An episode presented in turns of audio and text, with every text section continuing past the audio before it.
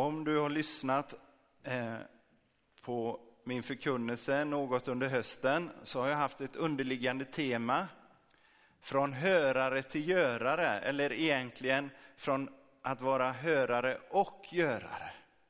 Och det började med eh, Jakobs brev där Jakob säger, bli ordets görare, inte bara dess hörare, annars tar ni miste.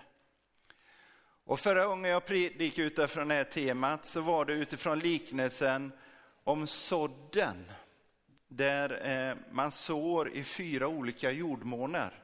Och den predikan finns på, på hemsidan om du vill lyssna på den.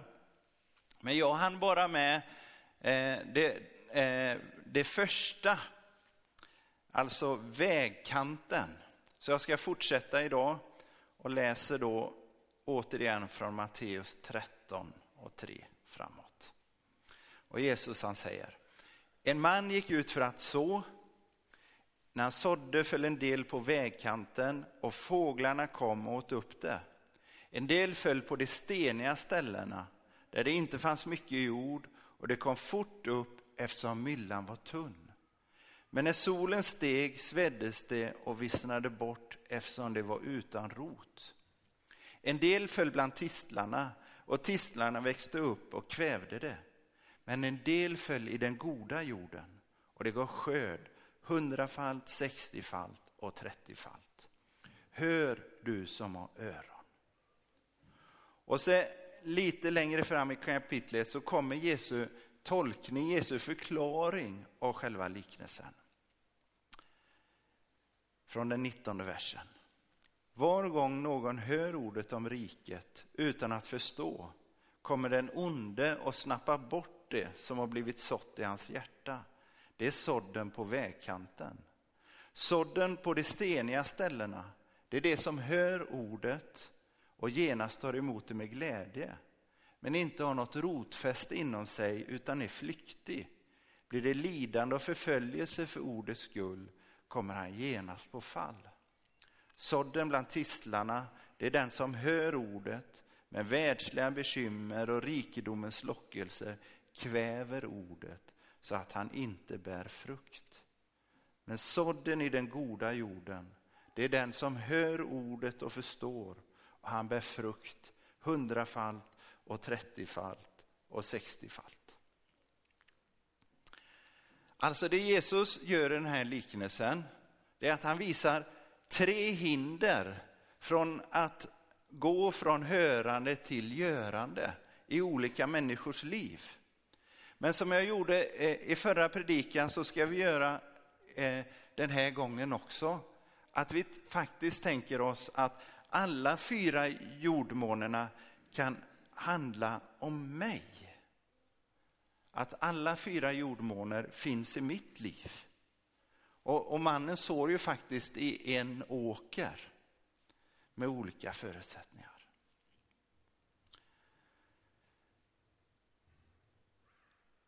Och jag kan känna igen alla jordmånerna i mitt liv. Och inte enbart när det gäller hur, hur blir jag en görare och inte bara en hörare när det gäller Guds ord.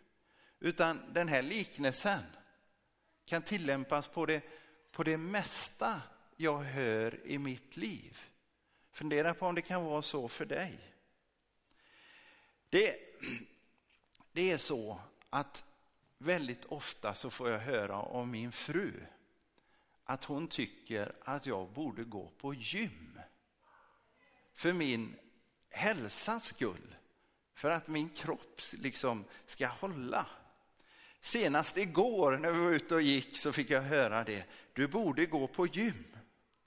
Och när jag häromdagen eh, eh, eh, eh, klagade på att jag har, har fått ont i knäna till en kompis så fick jag höra vad han sagt förut. Du borde gå på gym. Så går jag på gym? Nej. För deras ord faller på vägkanten.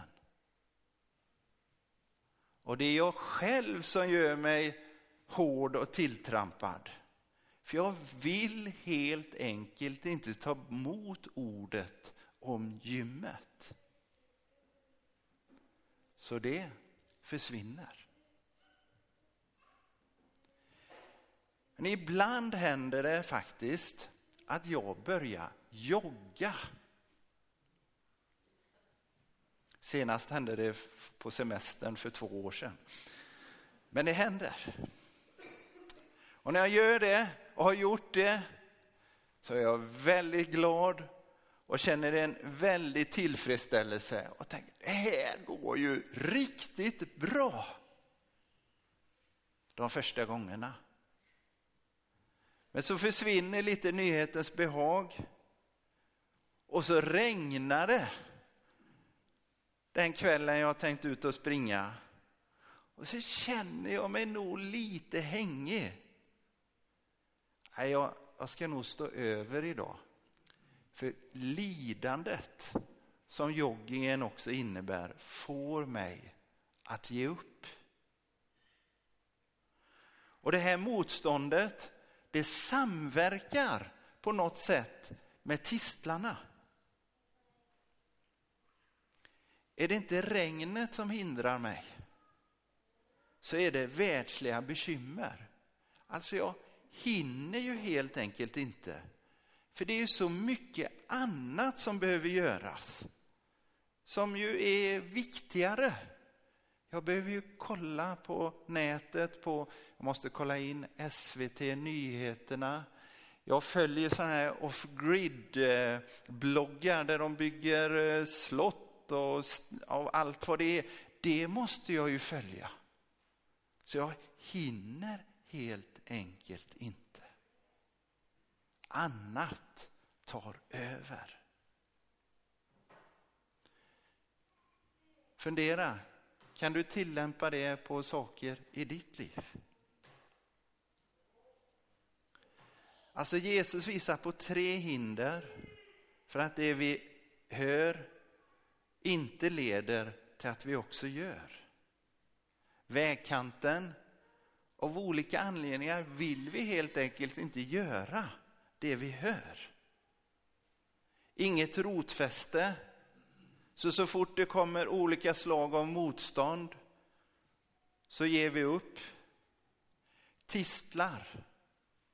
Alltså andra saker som jag hör faller i god jord och jag tar emot det och det växer och så slår det ut det första jag börjat göra. Så när det gäller detta med sådden i de olika jordmånarna. Den första frågan vi måste ställa oss är vad vill jag skörda i mitt liv? Vilken frukt vill jag se i mitt liv? För den frukten du vill se i ditt liv kommer avgöra vilken sådd du tar emot. Sen om det blir den frukten, det kan variera, men det kommer definitivt att avgöra vad du tar in.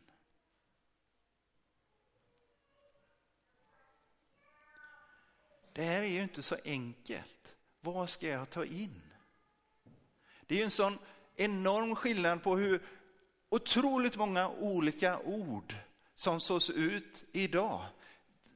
Tänk, tänk, att du tar emot det här ordet, jag behöver liksom eh, träna fysiskt för min kropps skull. Ja, sen ska du ta ställning till, du har ju 120 olika förslag hur du ska träna. Alltså det är en sån skillnad på hur många ord som sås ut idag jämfört med 30 år sedan. Om vi går 130 år tillbaka så är det en astronomisk skillnad.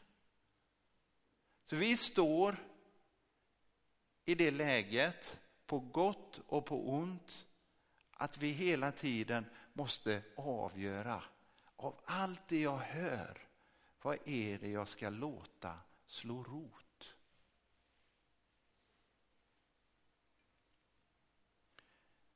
För det mest grundläggande när det gäller vad vi vill skörda är ju vilken sådd vi tar emot.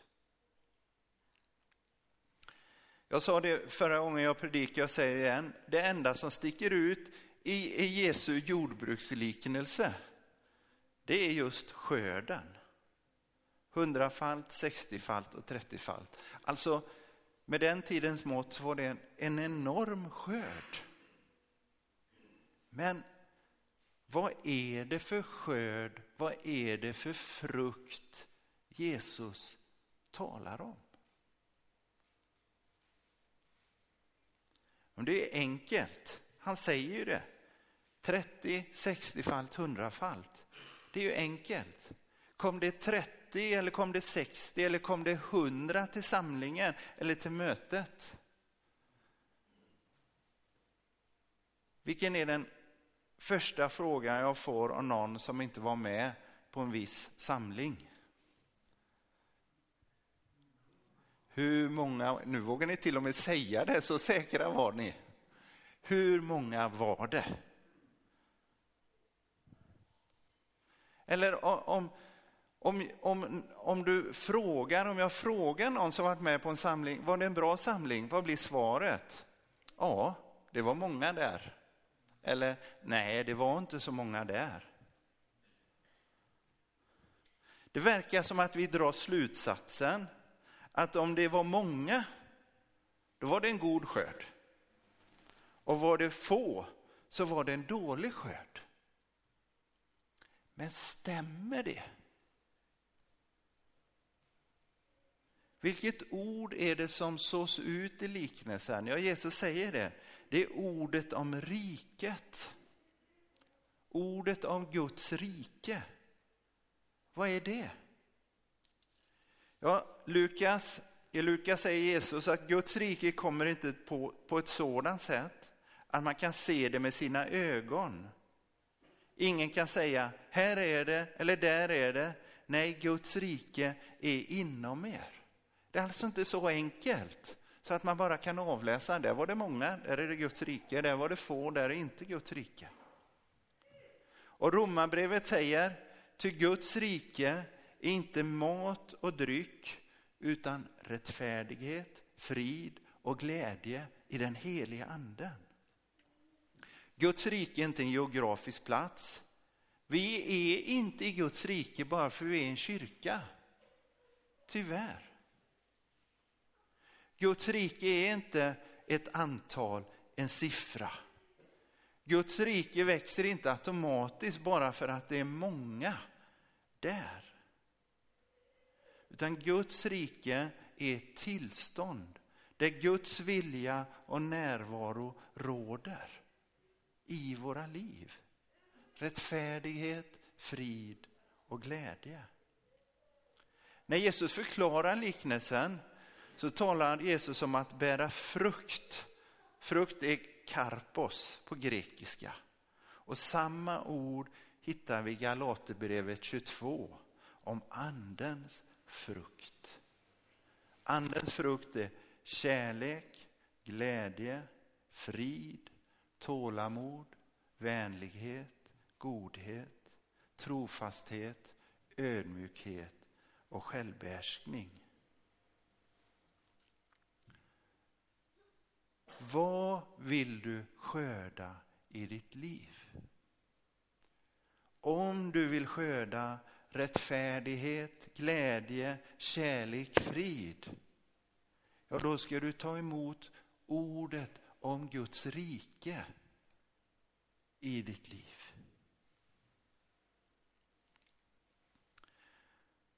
Jag vill ge ett löfte här och nu som jag antagligen inte kommer att hålla.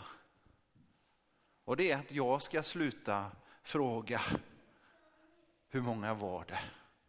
Men det sitter liksom i muskelminnet på något sätt. Men, men jag ger det här luftet så, så, kan ni hålla emot det. Men kom ihåg att jag kom på John Sparring.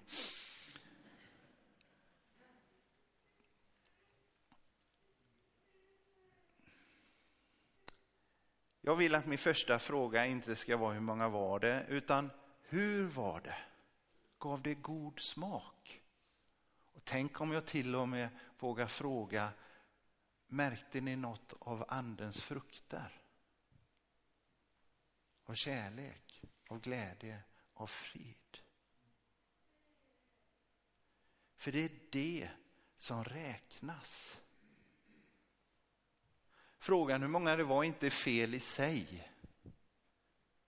Bibeln registrerar ofta hur många det var. Men det är inte antalet i sig som är frukten. Och Jesus visar detta i Johannes 6. Läs gärna det kapitlet för jag förenklar mycket nu. Men det börjar med brödudret. Jesus mättar 5000 män. Vi får förmoda att det var kvinnor och barn där, så vi säger 10 000. Bibeln registrerar antal. Och det här är något helt fantastiskt. Det är succé. Men vad gör Jesus? Han tar inte vara på den här succén utan han smiter iväg. Varför? Ja, folkmassan söker upp honom. Men det Jesus säger till dem då i vers 26 är det här. Sannerligen, jag säger er, ni söker inte efter mig därför att ni har fått se tecken, utan därför att ni åt av bröden och blev mätta. Arbeta inte för den föda som är förgänglig, utan för den föda som består och skänker evigt liv. Och som Människosonen ska ge er. Alltså Jesus kunde ju dratt oändliga skaror till sig genom att upprepa brödundret vid varje möte.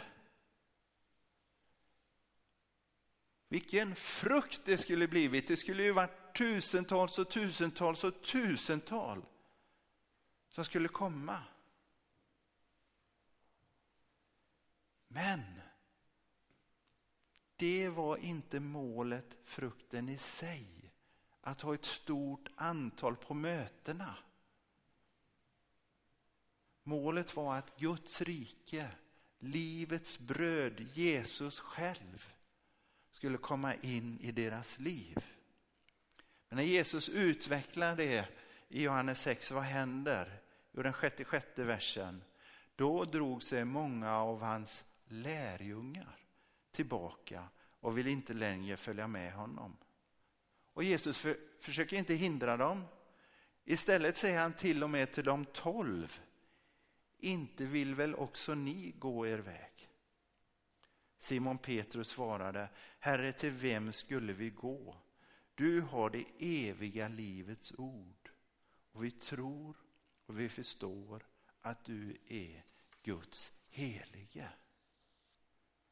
Inte ens till sina tolv lärjungar säger han, men grabbar, grabbar, stanna här nu så ska jag förklara för er. Det var ju inte riktigt så jag menade. Och hur tänker ni? Hur vill ni att, att, att, vad passar er? Självklart vill han att det ska stanna, men han ger dem möjligheten att gå. Och så får vi Petrus fantastiska svar. Ordet om Guds rike har kommit in i hans liv. Jag har inget val längre. Och när vi ber, låt ditt rike komma, låt din vilja ske, så ber vi om Guds närvaro genom hans ord och genom den heliga ande. Vi ber att andens frukt glädje, frid, kärlek och så vidare ska få komma in i människors liv. Och självklart vill vi att många ska få uppleva det. Det eviga livets ord.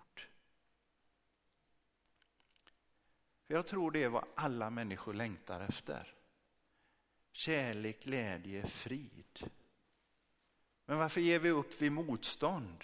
Jo, för just då där och då så känner vi ju inte glädje och frid, utan tvärtom. Det är jobbigt, vi är ledsna. Om Guds rikesfrukten är kärlek, glädje och frid, varför låter vi tistlar växa och kväva det?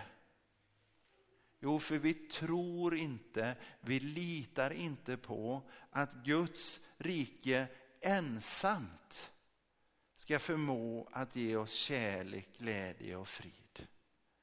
Medvetet eller omedvetet så tänker vi så. Vi kan inte lägga alla ägg i samma korg. Så vi låter annan sådd växa i våra liv. Jesus säger att det handlar om världsliga bekymmer och rikedomens lockelser.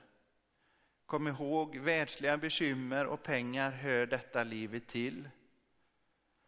Om du har ett lönekonto eller om du bekymrar dig över att eh, oj, nu måste jag nog köpa nya vinterskor här nu när hösten och vintern kommer så innebär det inte att tistlarna kvävt Guds rike i ditt liv. Det hör livet till. Men någon kallade tistlarna för det tillåtnas förbannelse. Alltså när det materiella, när status och rikedom tar över på ett sådant sätt. Så det är det som styr och bestämmer över Guds rike och inte tvärtom. Då har tistlarna tagit över.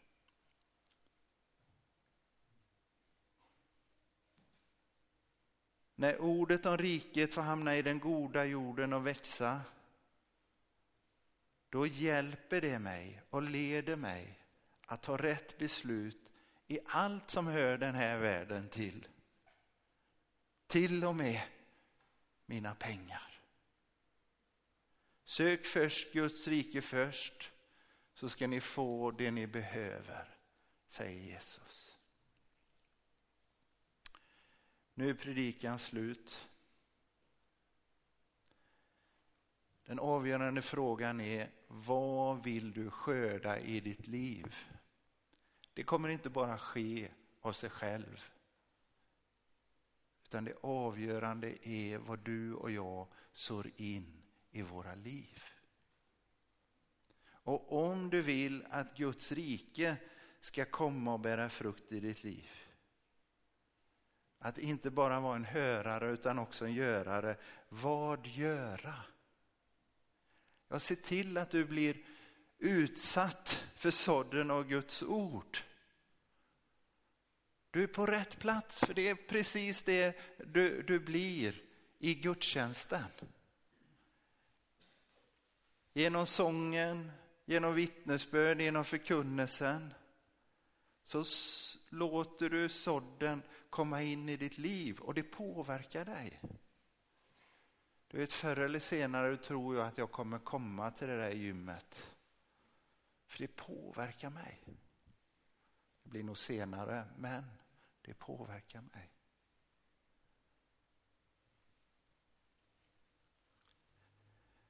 Kanske är det så att du behöver tänka, fundera över, ska jag öka frekvensen på mina gudstjänstbesök?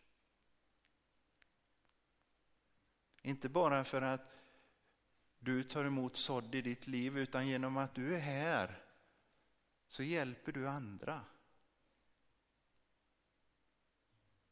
Genom att du är här så hjälper du andra. Att det inte kanske är så att motståndet på söndag morgon ska göra att du inte går utan du övervinner det för att ha ett större mål.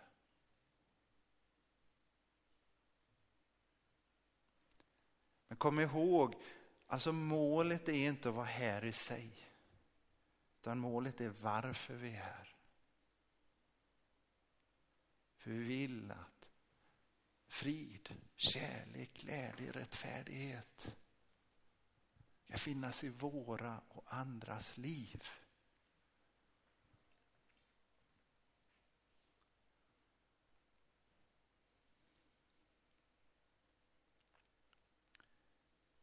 Vi är i den situationen att vi har möjlighet att läsa Bibeln. Vi är läskunniga, vi har biblar i överflöd. Och nu kan vi också ha den i mobilen. Jag brukar säga det, jag säger det än, jag gör det här väldigt enkla, att varje morgon, jag försöker göra det det första jag gör, så sätter jag på min bibelapp, U-version, och så får jag dagens bibelord. Det är lite, men det är något. Och nu så försöker jag, jag slår, jag läser bibelordet, sen tänder jag i kaminen och sen så läser jag ett kapitel och så har jag satt på kaffe och tar kaffe och så tar jag in lite världsliga bekymmer med SVT Nyheter och så.